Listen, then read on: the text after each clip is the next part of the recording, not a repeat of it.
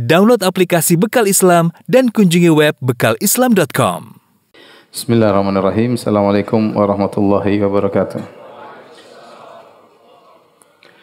Alhamdulillahi ala ihsanih wa syukru lahu ala taufiqihi wa amtinani. Asyhadu an la ilaha illallah wahdahu la syarika lahu ta'ziman li sya'nih.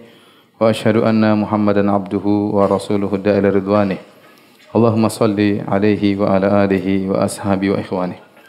Hadirin dan hadirat yang dirahmati Allah Subhanahu wa taala, kita melanjutkan pembahasan kita tentang As-Sirah An-Nabawiyah. Pada pertemuan lalu telah kita sebutkan bagaimana Nabi sallallahu alaihi wasallam mendakwahi sekelompok uh, kaum Ansar dan mereka beriman kepada Allah dan beriman kepada Nabi sallallahu alaihi wasallam.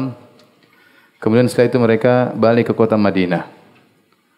Lalu mereka berdakwah dan menyebutkan tentang Nabi sallallahu alaihi wasallam sehingga akhirnya Islam tersebar di kota Madinah. Ya. Tidak ada satu rumah pun kecuali disebutkan tentang Nabi sallallahu alaihi wasallam. Sehingga akhirnya tatkala tahun berikutnya maka berangkatlah 12 orang perwakilan dari kaum Ansar dari suku Aus dan suku Khazraj. Mereka datang di musim haji. Mereka datang di musim haji. Itu dua orang dari suku Aus dan sepuluh dari suku Khazraj. Di antara dua belas orang tersebutlah As'ad bin Zurarah radhiyallahu taala anhu. Di antaranya adalah Ubadah bin Samit radhiyallahu taala anhu. Ya, di antaranya Uqbah bin Amir, di antaranya Abu Haytham radhiyallahu taala anhum ajma'in dan yang lainnya. Akhirnya mereka membaiat Nabi sallallahu alaihi wasallam, mereka bertemu dengan Nabi sallallahu alaihi wasallam dan kemudian mereka membaiat Nabi sallallahu alaihi wasallam.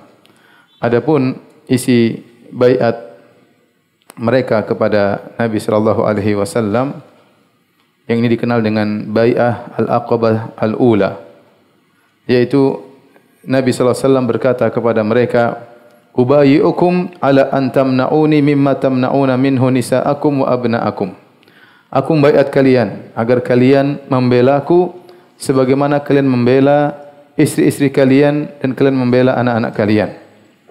Maka mereka pun membaiat Rasulullah sallallahu alaihi wasallam atas janji setia tersebut.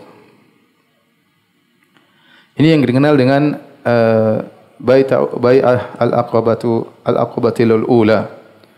Jadi isi dari baiat tersebut di mana mereka membaiat Nabi sallallahu alaihi wasallam untuk membela Nabi sallallahu alaihi wasallam ya sebagaimana mereka membela anak-anak mereka dan membela istri-istri mereka dan juga mereka membaiat Nabi sallallahu alaihi wasallam untuk dengar dan taat kepada Nabi sallallahu alaihi wasallam dalam kondisi sulit maupun dalam kondisi mudah. Setelah itu mereka pun pulang ke kota Madinah 12 orang tersebut. Kemudian eh, mereka kembali berdakwah. Dan di antara yang terjadi setelah mereka pulang ke kota Madinah, mereka melaksanakan solat Jumat sebelum datangnya Nabi sallallahu alaihi wasallam. Dan yang pertama kali menjadi imam solat Jumat mereka di kota Madinah sebelum datangnya Nabi sallallahu alaihi wasallam adalah As'ad bin Zurarah radhiyallahu taala anhu. Dalam hadis yang sahih dari Abdullah bin Ka'ab bin Malik, dia berkata, "Kuntu qa'ida abi ba'da ma dhahaba basaruhu." Saya menuntun ayahku Ka'ab bin Malik radhiyallahu anhu untuk salat setelah ayahku Ka'ab bin Malik buta sudah tidak bisa melihat lagi. Wa kana la yasma'ul adzana bil jum'ah illa qala rahimah rahmatullah ala As'ad bin Zurarah. Tidaklah Ka'ab bin Malik mendengar azan Jumat dikumandangkan kecuali dia berdoa dia berkata semoga Allah merahmati As'ad bin Zurarah. Maka sang anak Abdullah berkata, "Ya abati, innahu la tu'jibuni salatuka ala abi umamah kullama sami'tal adhan bil jum'ah wahai ayahanda aku heran. Engkau setiap kali mendengar adzan Jumat engkau mendoakan Abu Umamah yaitu As'ad bin Zurarah. Ada apa gerangan? Faqala maka Ka'ab bin Malik sang ayah berkata ai bunayya kana awwala man jama'al jum'ata bil Madinah fi harrati bani bayadah fi naqi yuqalu lahu al khasamat Qultu wa kam antum yawma idzin qala arba'una rajulan. Maka Ka'ab bin Malik berkata, "Wahai putraku, sungguhnya Asad bin Uzurara adalah orang yang pertama kali mengumpulkan orang-orang untuk salat Jumat di kota Madinah di kampung Bani Bayadah yang dikenal dengan Al-Khadamat. Ya tatkala itu berapa jumlah kalian? Kata Ka'ab bin Malik kami waktu itu jumlahnya 40 orang. Inilah As'ad bin Zurarah ya salah seorang sahabat yang ikut dalam 12 orang dalam bai'atu Al-Aqabatil Ula.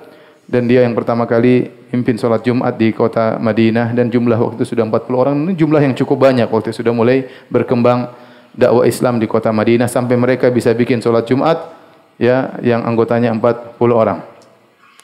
Kemudian setelah itu Rasulullah sallallahu alaihi wasallam ya setelah selesai musim haji orang-orang pulang ke kampung mereka masing-masing maka Rasulullah sallam mengirim seorang pemuda yang sangat mulia yaitu Musa bin Umair radhiyallahu taala anhu. Mengirim Nabi mengirimnya ke kota Madinah untuk membacakan Al-Qur'an Eh, bagi kaum Ansar di kota Madinah dan untuk berdakwah mengajarkan kaum Ansar tentang Islam. Dan Musa bin Umair tatkala itu dikenal dengan Al-Mukri. Al-Mukri itu orang yang membacakan Al-Qur'an. Dan Nabi wasallam memilih Musa bin Umair ya ini pilihan yang sangat tepat sebagaimana sudah kita jelaskan bagaimana Musa bin Umair adalah seorang pemuda yang telah mengorbankan segala kekayaannya dari kehidupan mewah, glamor ya, kemudian menjadi kehidupan yang susah payah dan penuh kemiskinan demi untuk mempertahankan akidahnya Islam. Sehingga dia memiliki pengalaman yang banyak sudah menghadapi berbagai macam cobaan. Maka Mus'ab lah yang dikirim oleh Nabi sallallahu alaihi wasallam ke kota Madinah untuk berdakwah. Dan uh, tatkala Mus'ab datang ke kota Madinah, maka Mus'ab dengan sabar berpindah dari satu rumah ke rumah yang lain, berdakwah ke sana kemari sehingga ya banyak orang-orang yang masuk Islam. Dan Musa bin Umar tidak bisa menawarkan apapun kepada penduduk kota Madinah untuk masuk Islam kecuali surga. Ya, tidak ada tidak ada dunia yang dia tawarkan, tidak ada ya kemewahan yang dia tawarkan. Ya, dia hanya ber, berkal dengan keimanan dan keikhlasan ya, dalam berdakwah dan akhirnya Allah uh, menjadikan dakwah beliau berhasil. Dan di antara orang-orang yang masuk Islam di tangan Musa bin Umair radhiyallahu anhu adalah Sa'ab bin Mu'adh dan Usaid bin Hudhair. Dua orang ini adalah pemimpin dari Bani Abdul Ashhal. Ya. Bani Abdul Ashhal dipimpin oleh dua orang ini, itu Sa'ad bin Mu'adh radhiyallahu anhu dan Usaid bin Hudhair. Dan dua-duanya waktu itu masih musyrik. Tatkala mereka berdua masuk Islam, maka seluruh Bani Abdul Ashhal pun masuk Islam. Ya. Kecuali satu, yaitu Al-Usairim, yaitu Amr bin Thabit. Al-Usairim ini satu-satunya dari Bani Abdul Ashhal yang tidak masuk Islam dan dia masuk Islam nanti menjelang perang Uhud. Kemudian dia meninggal dunia dan belum sujud sama sekali. Tetapi dia sempat masuk dalam peperangan dan meninggal dunia dan dia masuk surga padahal dia belum sujud sama sekali. Dia adalah salah seorang dari satu-satunya Bani Abdul Ashhal yang terlambat masuk Islam. Adapun bagaimana Sa'ad bin Mu'adh dan Usaid bin Hudair radhiyallahu anhu masuk Islam maka uh, disebutkan kisahnya oleh Ibnu Ishaq As'ad bin Zurarah radhiyallahu anhu yang tadi memimpin salat Jumat dia membawa Musa bin Umair ya untuk berdakwah di perkampungan Bani Abdul Ashhal. Kemudian uh, mereka masuk di suatu kebun, kemudian mereka pun duduk di kebun tersebut. Kemudian berkumpullah orang-orang yang sudah masuk Islam duduk mendengarkan ceramah atau wejangan dari Musa bin Umair radhiyallahu taala anhu. Tatkala itu Sa'ad bin Mu'ad dan Usaid bin Hudair, pemimpin Bani Abdul Ashal, masih musyrik. Tatkala mereka mendengar Musa bin Umair datang, bagaimana kegiatannya dalam berdakwah, aktivitasnya, maka Sa'ad bin Mu'ad marah. Ya, Sa'ad bin Mu'ad marah. Dia berkata kepada Usaid bin Hudair, Intalik ila hadaini rajulaini alladhaina alladhaini qad ataya daraina liyusaffiha du'afa'ana fasjurhuma. Wahai Usaid bin Hudair, Pergilah engkau kepada dua orang ini, yaitu As'ad bin Zurarah dan Musa bin Umair. Yang telah datang, mereka berdua datang ke kampung kita, membodoh-bodohi orang-orang lemah, di, menipu orang lemah di antara kita. Maka usirlah mereka berdua. Larang mereka berdua. Wanhahuma an an ya'tiya daraina. Larang mereka jangan sampai datang ke kampung kita. Fa innahu laula anna As'ad bin Zurarah minni haitsu qad alimta kafaitu kadzalik huwa ibnu khalati. Kalau bukan Asad bin Zurarah adalah kerabatku, dia adalah putra dari bibiku, Asad bin Zurarah adalah sepupuku. Kalau tidak aku yang pergi, tapi karena dia adalah sepupuku, yaitu kau saja yang pergi wahai Usaid bin Hudhair. Jadi ada hubungan kerabat antara Sa'ad bin Mu'ad dengan As'ad bin Zurarah. Ternyata As'ad bin Zurarah adalah ibnu khalati Sa'ad bin Mu'ad. Yaitu putra dari bibi uh, Sa'ad bin Mu'ad. Maka inilah yang menjadikan Sa'ad bin Mu'ad tidak berani melarang Musa bin Umar dan As'ad bin Zurarah karena kekerabatan antara dia dengan As'ad bin Zurarah. Akhirnya Usaid bin Hudhair pun berangkat. Dia bawa tombaknya. Kemudian dia berjalan menuju kepada uh, As'ad bin Zurarah dan Musa bin Umair. Tatkala Usaid bin Hudhair, antum dah hafal belum ya? Usaid bin Hudhair, Sa'ad bin Mu'ad, As'ad bin Zurarah. Kalau namanya uh, Bagio, ya itu gampang apa? Agus, agak susah juga. Tapi antum hafal lah ya. Siapa tadi? As'ad bin Zurarah. Sahabat siapa namanya? Musa bin Umair. Terus Sa'ad bin Mu'ad sama Usaid bin Hudhair ya. Maka tatkala As'ad bin Zurarah melihat Usaid bin Hudhair datang dari kejauhan, maka dia berkata kepada Musa bin Umair, "Hadza sayyidu qaumihi qad ja'aka." Wahai Musa bin Umair, inilah pemimpin dari kaum Bani Abdul Ashhal telah datang menuju engkau. Fasduqillaha fihi. Maka tuluslahkanlah niatmu dalam mendakwahinya. Kata Musa bin Umair, "In yajlis ukallimhu." Kalau dia mau duduk, aku akan ngobrol dengan dia, aku akan mendakwahinya. Kemudian datanglah Usaid bin Hudhair. Fa waqafa alaihi mutasyattiman. Berdiri di hadapan Musa bin Umair dan As'ad bin Zurarah sambil membawa tombaknya dalam kondisi muka yang beringas garang. Kemudian dia pun berkata, "Ma ja'a bikuma ilaina tusaffihina du'afa'ana?" Apa yang buat kalian berdua datang kemari? Kalian ingin menipu bodoh-bodohi orang-orang lemah di antara kami? Iktazilana. Pergi, tinggalkanlah kami. Ya. Maka Mus'ab bin Umair dengan tenang menghadap uh, Usaid bin Hudair dengan tenang dengan perkataan yang penuh keyakinan tatkala dibentak oleh Usaid bin Hudair Musab tidak terpancing. Dia berkata awa tajlisu fatasma? Fa in radita amran qabiltahu wa in karihtahu kuffa anka ma takrahu. Atau pilihan lain wahai Usaid bin Hudair duduk sebentar dengarkanlah apa yang akan aku sampaikan. Kalau kau suka tinggal terima. Kalau enggak enggak suka ya enggak usah terima. Sederhana duduk dengar sebentar dulu. Kalau kau suka terima kalau kau enggak suka apa tinggal ditolak Kata Usaid bin Hudhair, ansofta. Ya benar juga, tidak ada masalah. Thumma rakaza harbatahu. Kemudian dia pun menancapkan tombaknya. Wa jalasa ilaihima. Kemudian dia duduk menghadap mereka berdua. Maka Musa bin Umar pun mendakwahi Usaid bin Hudhair menerangkan tentang Islam. Kemudian bacakan Al-Quran. Maka Musab dan As'ad bin Zurarah berkata, Wallahi la arafna fi wajihil Islam qabla an yatakallama bihi fi isyraqihi wa tahsahulihi. Demi Allah, kami melihat tanda-tanda Islam telah masuk ke dalam wajahnya, terlihat wajahnya berseri-seri, terlihat wajahnya senang. Ini menunjukkan Islam sudah masuk dalam hatinya sebelum dia ngomong. Setelah Musa bin Umar menyampaikan Islam, membacakan Al-Quran, Usaid bin Hudair langsung berkata, Ma'ahsana hadal kalam wa ajmalahu. Sungguh indah perkataan ini. Sungguh indah perkataan ini. Kaifa tasnauna idza aradtum an tadkhulu fi hadzal din? Apa yang kalian lakukan kalau kalian ingin masuk agama ini? Dengan mudahnya dia masuk Islam. Cuma duduk Musa bin Umar sebentar sini langsung masuk Islam. Tadi datang bawa tombak muka garang sekarang berubah jadi berseri-seri dan masuk Islam. Maka Mus'ab dan Asad berkata, engkau mandi, ya, bersuci, kemudian bersihkan pakaianmu, kemudian bersyahadah, kemudian solat dua rakaat kemudian solat. Maka langsung berdiri Usaid bin Hudair, kemudian dia pun mandi, kemudian dia bersihkan kedua bajunya, kedua bilah bajunya, kemudian dia bersyahadah, kemudian dia pun solat dua rakaat. Kemudian setelah itu dia berkata kepada Musa bin Umair dan As'ad bin Zurarah, Inna wara'i rajulan ini taba'akuma lam yatakhallaf anu ahadun min qawmihi. Wahai As'ad bin Zurarah dan Musa bin Umair. Di belakangku ada seorang lelaki. Kalau dia masuk Islam, semua Bani Abdul Asyar akan masuk Islam. Tidak seorang pun yang akan terlambat. Semuanya akan ikut. Sa'ursiluhu ilaikum al'an. Aku akan utus kalian berdua. Saya, saya akan utus dia kepada kalian berdua sekarang ini. Dialah Sa'ad bin Mu'ad radhiyallahu ta'ala anhu. Masih kafir waktu itu. Kemudian Usaid bin Hudair pun balik ke, ke kaumnya. Kemudian dia bawa tombaknya, Kemudian dia bertemu kepada Sa'ad bin Mu'ad. Sa'ad bin Mu'ad lagi duduk bersama kaumnya lagi duduk bersama anak buahnya. Tatkala Sa'ad bin Mu'adz melihat Usaid bin Hudair maka dia berkata, "Ahlifu billah, laqad ja'akum Usaidun bi ghairil wajhi alladhi dhahaba bihi min indikum."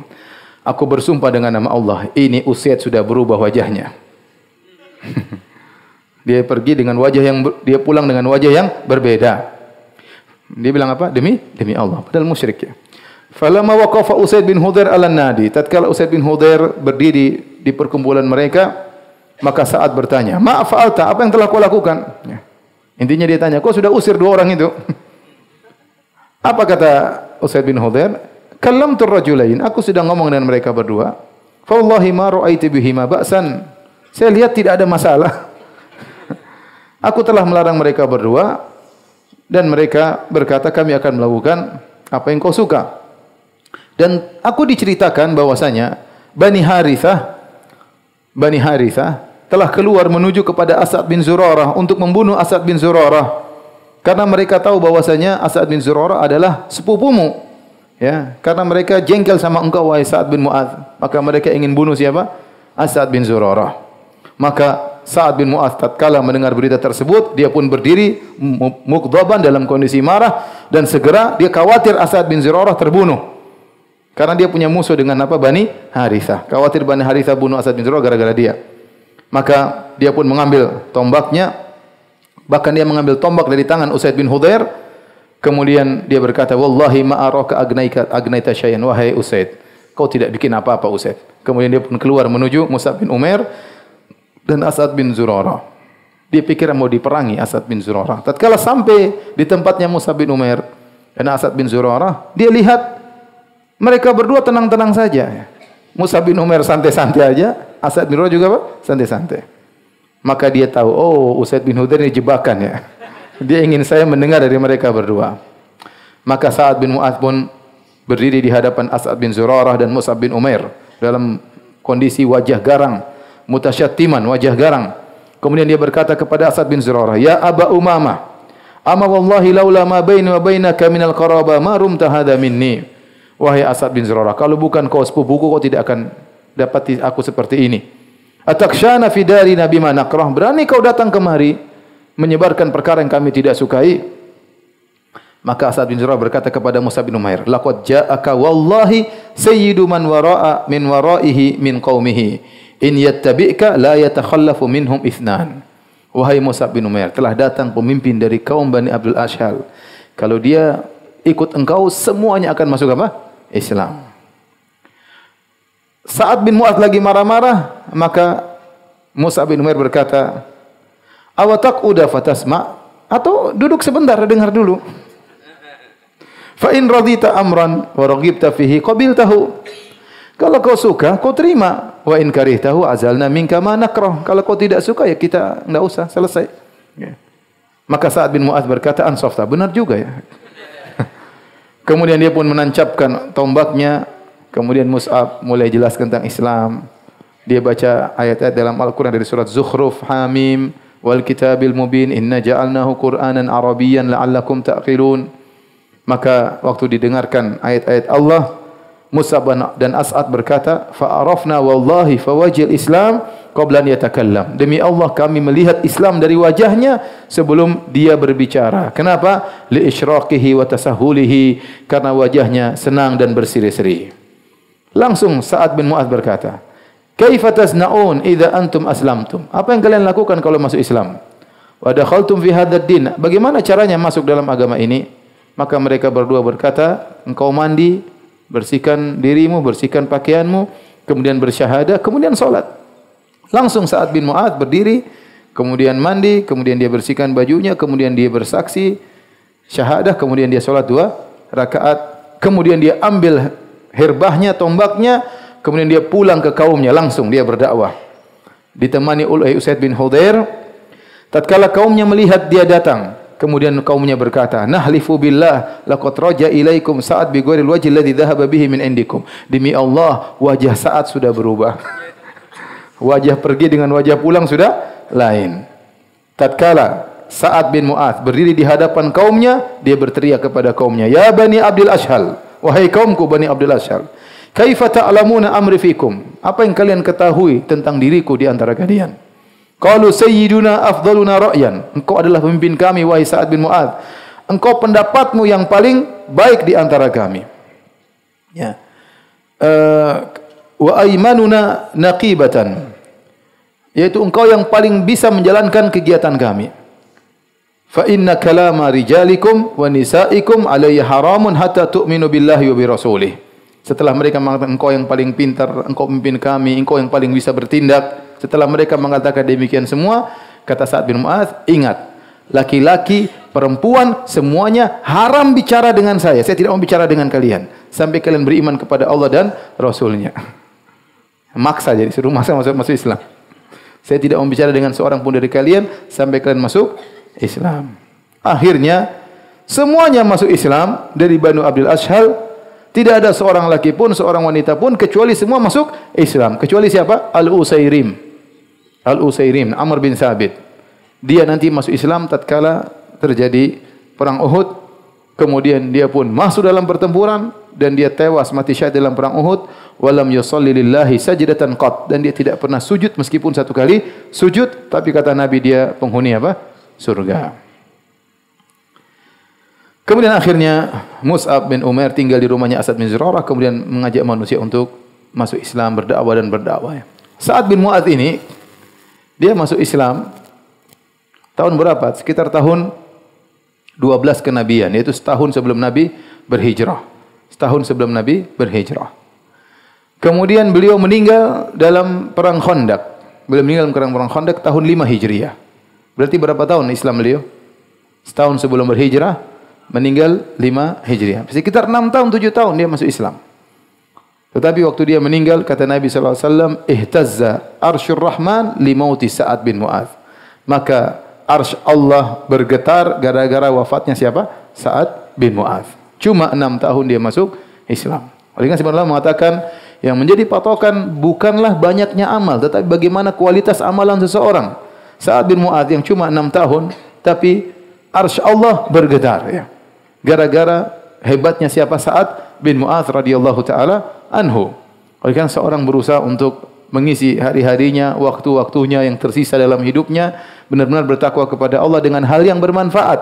Ya. Jangan mengatakan saya baru dapat hidayah. Tidak ada masalah dapat hidayah umur berapapun. Yang penting bagaimana kualitas Islam Anda setelah Anda mendapatkan hidayah dari Allah Subhanahu wa taala. Ya. Sa'ad bin Mu'adz hanya enam tahun tetapi sudah menjadikan arsy Allah bergetar karena saking hebatnya Sa'ad bin Mu'adz radhiyallahu taala anhu. Hadirin dan hadirat yang dirahmati oleh Subhanahu wa taala, para ulama menyebutkan uh, kenapa sebab begitu mudahnya kaum Ansar masuk Islam. Coba kalau yang dihadapi Musa bin Umar adalah Abu Jahal. Abu Jahal duduk sebentar. Kira-kira apa dipentung Musa bin Umar? Ini cuma duduk sebentar ngobrol masuk Islam. Kita sebentar masuk Islam subhanallah. Begitu mudahnya orang-orang masuk Islam dari kaum Ansar.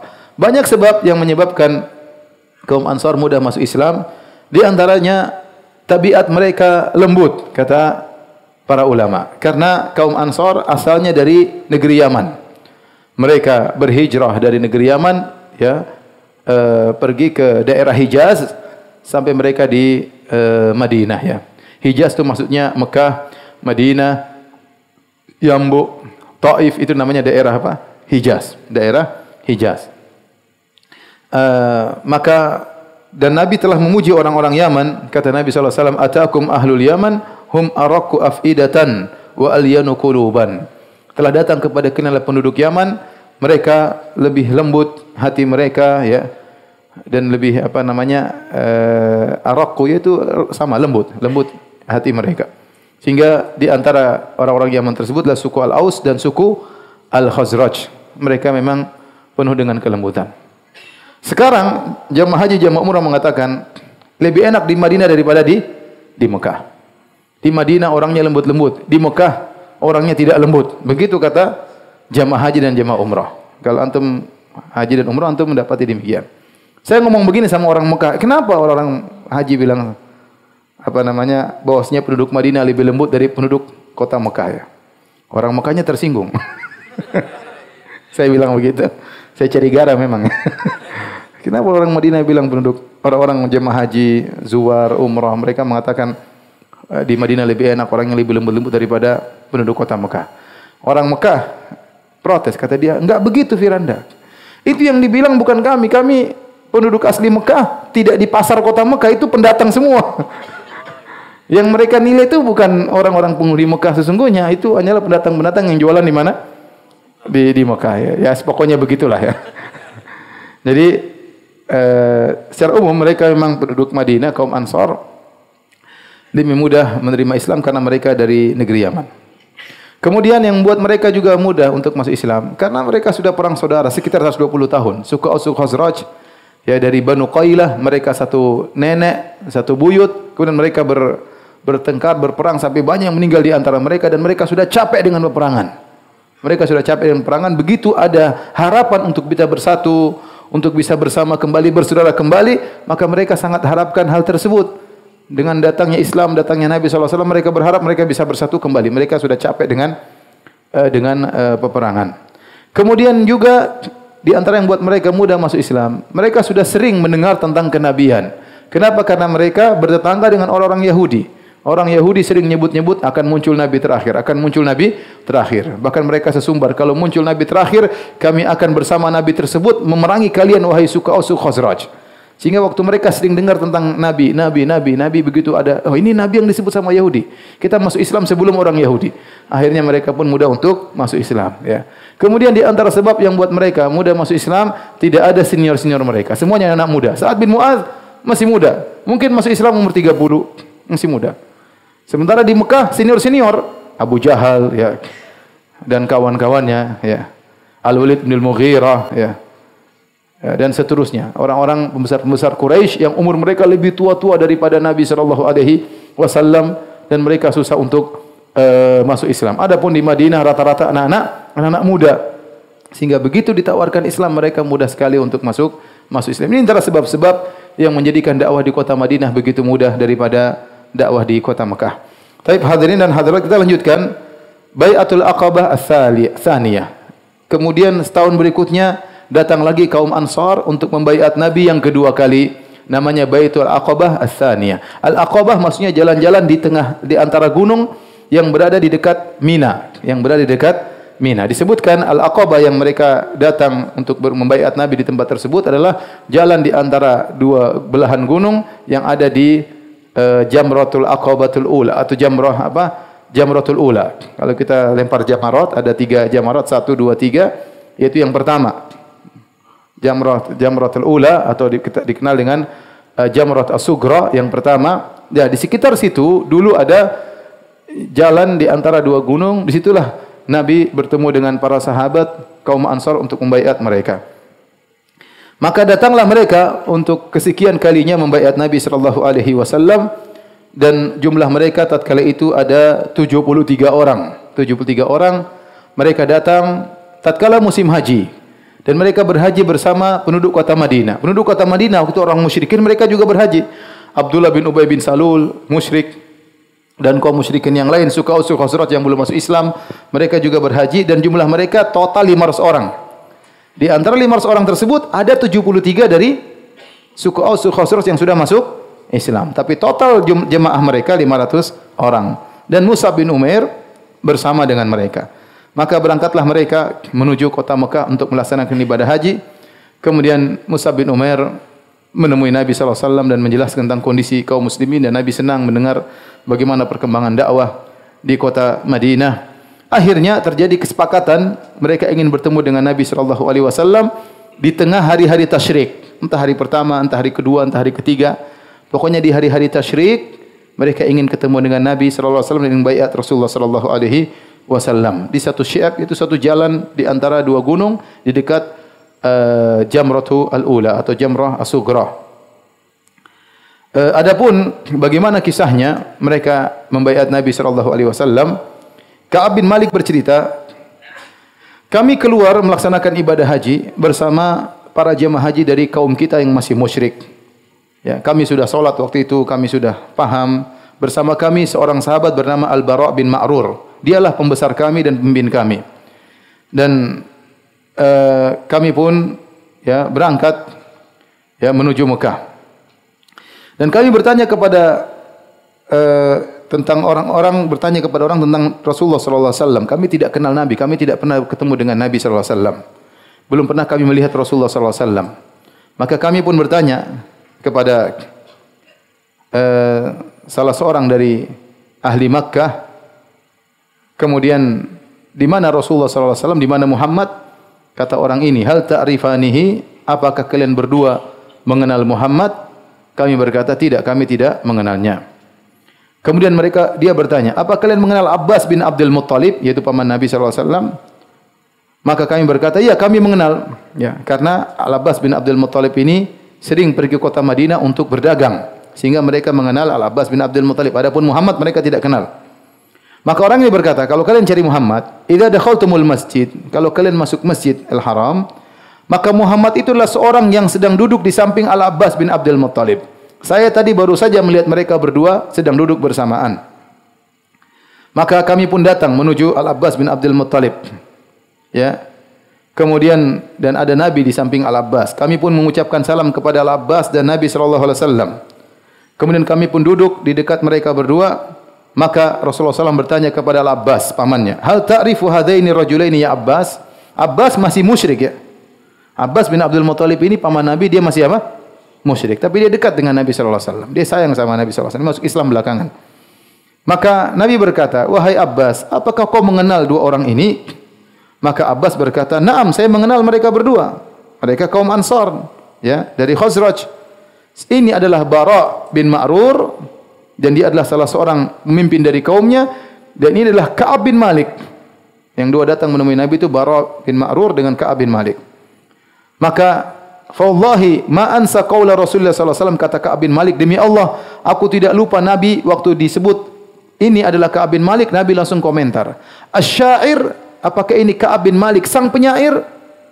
Qala Ka'ab na'am iya saya Ka'ab bin Malik sang penyair. Berarti Nabi sering dengar siapa? Ka'ab bin Malik. Nabi gembira tatkala tahu Ka'ab bin Malik ingin menemui Nabi sallallahu alaihi wasallam apalagi dia seorang penyair. Kenapa? Karena syair waktu zaman dahulu itu sarana paling penting untuk berdakwah menulis syair tentang Islam, tentang keindahan Islam ya. Jadi belum ada medsos waktu itu ya, belum belum ada YouTube, belum ada yang lain-lain ya. Yang mereka gunakan untuk berdakwah di antaranya dengan dengan syair.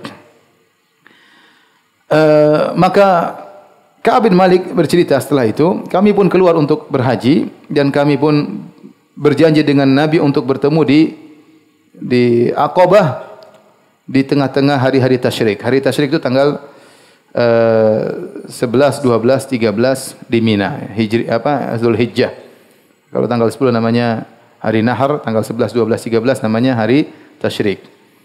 Kemudian tatkala kami selesai dari hajian dan malam itu di hari-hari tasyrik ya. Waktu itu bersama kami ada seorang namanya Abdullah bin Haram. Abdullah bin Haram dari bapaknya Jabir. Kita sering dengar Jabir bin Abdullah. Jabir bin Abdullah bin Haram. Dan Jabir bapaknya Abdullah bin Haram masih musyrik. Masih musyrik. Tapi dia salah seorang dari pemimpin di antara kaum Ansar. Maka kami sembunyikan Islam kami di hadapan dia. Dia masih musyrik. Maka kami pun ngobrol dengan dia. Kami ajak dia masuk Islam. Kata Al-Bara bin Ma'rur dengan Ka'ab bin Malik. Ya Aba Jabir. Wahai Abu Jabir. Yaitu Abdullah bin Haram. Innaka sayyidun min sadatina. Engkau adalah seorang pemimpin dari pemimpin kami syarifun min ashrafina. Seorang mulia di antara orang-orang yang mulia di antara kami. Wa inna narqabu bika amma anta fihi an takuna hataban lin nari gadan kami ingin kau bersama kami ya. Engkau punya pengaruh. Maka kemudian kami pun menyuruh dia untuk masuk Islam. Ya, kami ingin kau meninggalkan kesyirikan. Akhirnya dia pun masuk Islam dan kami pun mengajak dia untuk bertemu dengan Rasulullah sallallahu alaihi wasallam di Aqabah. Maka pada malam hari tersebut mereka ketemu Nabi lewat tengah malam. Tatkala orang-orang sudah tidur di Mina, ya, semua sudah tidur su, su, suci senyap, ya, sunyi senyap. Kemudian tatkala sudah lewat sepertiga malam, orang-orang sudah tidak ada yang berjalan ke sana kemari. Kami pun keluar dari kemah-kemah kami untuk bertemu dengan Rasulullah sallallahu alaihi wasallam. Diam-diam kami keluar. Sampai akhirnya kami ketemu dengan Nabi sallallahu alaihi wasallam di uh, Syi'ib tersebut di jalan di antara gunung-gunung. Jumlah kami 73 orang. Ya, jumlah kami 73 orang. Di antaranya ada dua orang wanita yaitu Nusaybah bintu Ka'ab ya dan Asma bintu Amr Ummu Mani'. Kemudian tatkala mereka berkumpul mereka nunggu Nabi sallallahu alaihi wasallam ternyata Nabi datang dan Nabi datang bersama Al-Abbas bin Abdul Muttalib pamannya masih musyrik dan dia masih dalam kondisi belum Islam. Kemudian tatkala Nabi melihat anak-anak muda dari kaum Ansar ya maka uh, tatkala Al-Abbas melihat anak-anak muda dari kaum Ansar Al-Abbas berkata haula'i qaumun la a'rifuhum haula'i ahdath ini orang-orang Ansar saya tidak kenal mereka mereka ini anak-anak muda Ya, setelah itu mereka terjadi pembicaraan di antara mereka. Ya, akhirnya mereka pun hendak uh, melakukan bayat. Tatkala itu Al-Abbas bin Abdul Muttalib bicara dengan mereka untuk menjelaskan tentang kondisi gawat yang mereka lakukan ini. Bayat ini perkara yang berat. Kata Al-Abbas bin Abdul Muttalib, "Wahai ma'syaral Khazraj, wahai kaum Khazraj sekalian." Ya, maksudnya kaum Ansar, ya. Sungguhnya Muhammad tinggal di tempat kami dan dia dari kerabat kami. Kalian telah mengetahui hal ini. Dan kami telah membela dia dari kaumnya. Kami punya kaum yang lain yang mereka beragama bukan Islam. Dan mereka mengganggu Muhammad dan kami telah membela Muhammad. Dan Muhammad sekarang di Mekah dalam kondisi dijaga, dalam kondisi mulia. ya. Akan tetapi Muhammad ini ingin bergabung dengan kalian. Ingin bergabung dengan kalian. Kalau kalian melihat, ya, kalian bisa menunaikan janji kalian ya kalian mengajak dia untuk pergi ke kota uh, Madinah kalian bisa membela membela dia dari orang-orang menyelisihinya maka silakan kalian bawa dia kalian bertanggung jawab atas apa yang kalian lakukan tetapi kalau kalian ternyata di kemudian hari menyerahkan Muhammad kepada musuhnya kalian tinggalkan dia ya maka sejak sekarang sudah tinggalkan dia bersama kami jangan bawa dia ke kota Madinah Paham ya? Jadi Al-Abbas mengatakan, sudah tenang, kita sekarang sudah tenang. Kalau kalian bawa hati-hati, tanggung jawabnya besar. Ka'ab bin Malik mengomentari. Sami'na makulta, kami telah mendengar apa yang kau ucapkan. Kemudian kata kata Ka'ab bin Malik, wahai Rasulullah berbicaralah. Pilihlah yang kau suka untuk dirimu. Apa yang kau pilih? Bersama Al-Abbas atau bersama kami? Maka Rasulullah sallallahu alaihi wasallam baca Al-Quran, kemudian Ya, menyeru kami menuju jalan Allah Subhanahu wa taala kemudian memotivasi kami untuk Islam dan kami pun membenarkan Nabi sallallahu alaihi wasallam kami ridha dengan apa yang dibawa oleh Nabi sallallahu alaihi wasallam setelah itu Nabi berkata tubayuni ala sam'i wa ta'ah. Kalian membaiat aku di atas mendengar dan taat. Fin nasyati wal kasli. Hendaknya kalian taat kepadaku dalam kondisi semangat ataupun dalam kondisi lagi malas. Wa ala nafaqati fil usri wal yusri. Kalian mau membantu aku dengan biaya dalam kondisi sulit maupun dalam kondisi mudah. Wa alal amri bil ma'ruf wa nahyi anil munkar. Kalian berjanji kepada aku untuk menyuruh kepada kebaikan mencegah dari kemungkaran wa ala an taqulu fillahi law la ya'khudhukum fihi lawmatu la'im dan hanya kalian tetap mengucapkan kebenaran dan kalian tidak takut cercaan siapapun Wa ala antan suruni in qadimtu alaikum yathriba dan kalian akan menolongku jika aku datang kota Madinah. Fatamnauni mimma tamnauna minhu anfusakum wa azwajakum wa abnaakum wa lakumul jannah. Dan kalian membela aku sebagaimana kalian membela diri kalian, membela istri kalian, membela anak-anak kalian, bagi kalian apa? Surga. Azan kah? Belum. Jadi itu yang bisa Nabi sampaikan kepada mereka. Kalian bayat aku, membela aku di kota Madinah, cuma surga yang bisa diberikan kepada kalian. Kemudian Al-Bara bin Ma'rur ya memegang tangan Nabi wasallam. Kemudian dia berkata, "Wallazi ba'atsaka bil haqq" Demi yang mengutus engkau di atas kebenaran Rasulullah. La namna aka mimma namna'u minhu uzurana. Kami demi Allah akan membela engkau sebagaimana kau membela istri-istri kami. Fabayyina ya Rasulullah. Bayatlah sama kami ya Rasulullah. Terimalah bayat kami. Fanahnu ahlul hurub. Jangan khawatir ya Rasulullah. Kami ini suka berperang wa ahlul halaqah kami suka menggunakan baju besi untuk berperang warithnaha kabiran an kabir ini sudah kebiasaan kami berperang dari nenek moyang kami suka berperang jangan khawatir kami akan bilang kau kemudian waktu al-bara bin ma'rur sedang berbicara abul haytham salah seorang dari kaum ansor memotong pembicaraannya dia berkata ya rasulullah inna bainana wa bainar rijal ya yahudi ya rasulullah sungguhnya antara kami dengan yahudi ada perjanjian Wa inna qati'uha kami akan mutuskan perjanjian kami antara kami dengan Yahudi. Fahla asaita innahnu fa'alna dhalik. Thumma adharaka Allah an tarjila qaumika wa tada'ana. Seandainya kami sudah memutuskan hubungan kami dengan Yahudi. Kemudian Allah menjadikan engkau menang. Kemudian setelah kau menang, kemudian kau meninggalkan kami dan kau balik ke Mekah kepada kaummu. Tawaran sama Nabi. Ya, Taib, sekarang ke Madinah ya Rasulullah. Terus kali kami sudah bela, kami putus hubungan sama semua orang, kemudian kau menang, kau balik lagi kota Mekah. Ini pertanyaan dari siapa? Abu Haytham. Fatabassama Rasulullah sallallahu alaihi wasallam. Maka Rasulullah SAW jadi tawar menawar. Rasul bilang iya. Bela saya kata mereka boleh tapi jangan pulang. Bela iya tapi kamu jangan pulang ke kota Mekah. Kalau ternyata suatu hari berhasil menang jangan pulang. Maka waktu Nabi ditanya demikian Nabi pun tersenyum. Maka Nabi berkata, "Balid damu damu wal hadmul hadmu." Kata Nabi, "Darah kalian darahku dan kuburan kalian kuburanku." Artinya aku tidak akan pulang kota Mekah. Aku akan mati-mati di Madinah. Dikubur di tempat kalian di dikubur. Ana minkum wa antum minni, aku dari kalian kalian dariku. Uharibu man harabtum, aku akan memerangi siapa yang kalian perangi. Wa usalimu man salamtum dan aku akan berdamai dengan siapa yang kalian damai dengan dengan mereka. Maka Al-Bara bin Ma'rur berkata kepada Nabi, "Ubsut yadaka ya Rasulullah nubayyika." Wahai Rasulullah, bentangkan tanganmu, kami akan membaiat. Azan dulu. Taib hadirin dan hadirat yang dirahmati Allah Subhanahu wa taala tatkala mereka hendak baiat kepada Nabi sallallahu alaihi wasallam kata mereka ubsut yadak ya Rasulullah bentangkan tanganmu nubayyika kami akan baiat engkau Al Abbas bin Abdul Muttalib Al Abbas bin Ubadah bin Nadlah salah seorang juga dari anggota tersebut ingatkan mereka lagi ya ma'syaral khazraj wahai kaum khazraj sekalian hal tadruna ala ma tubayyuna hadzal rajul tahukah kalian apa konsekuensi dari membaiat lelaki ini qalu na'am kami tahu Qala innakum tubayyunahu ala harbil ahmar wal aswad minan nas. Kalau kalian bayat orang ini berarti kalian membayat untuk ikrar berperang dengan semua orang. Berkulit hitam atau berkulit putih kerana kalian perangi mereka semua. Ya.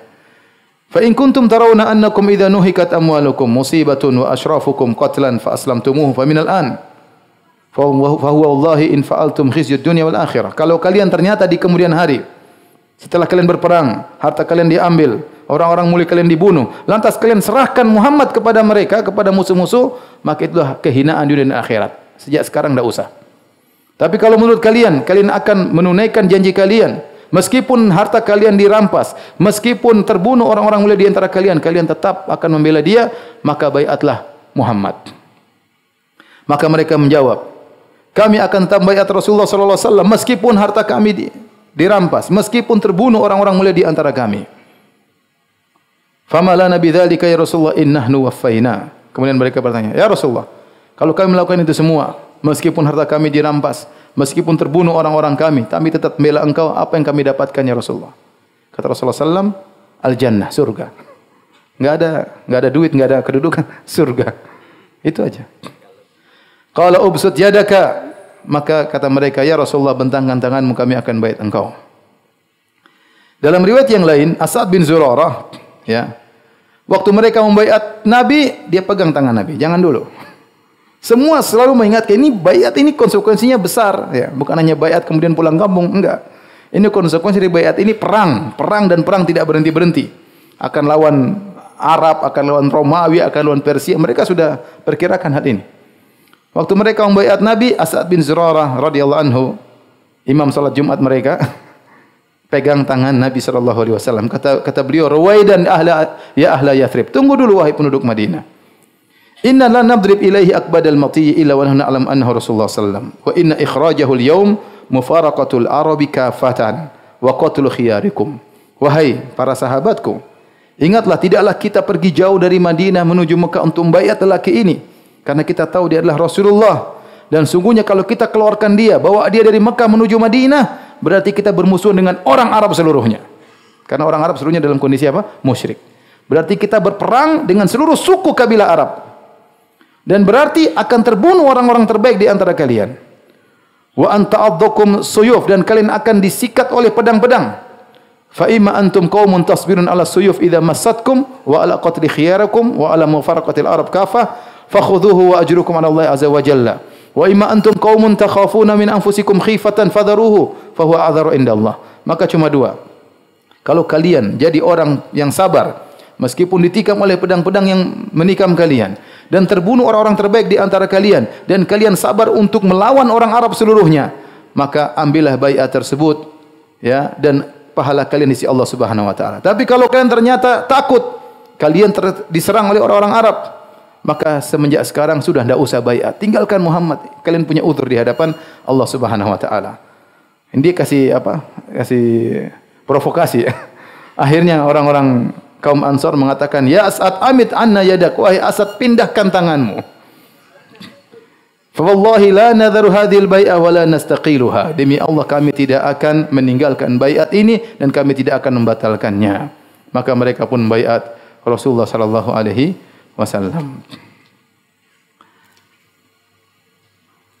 Baik, insyaallah sampai kita di sini dulu. Nanti kita lanjutkan lagi pada pertemuan berikutnya insyaallah taala. Kalau ada yang bertanya saya persilakan.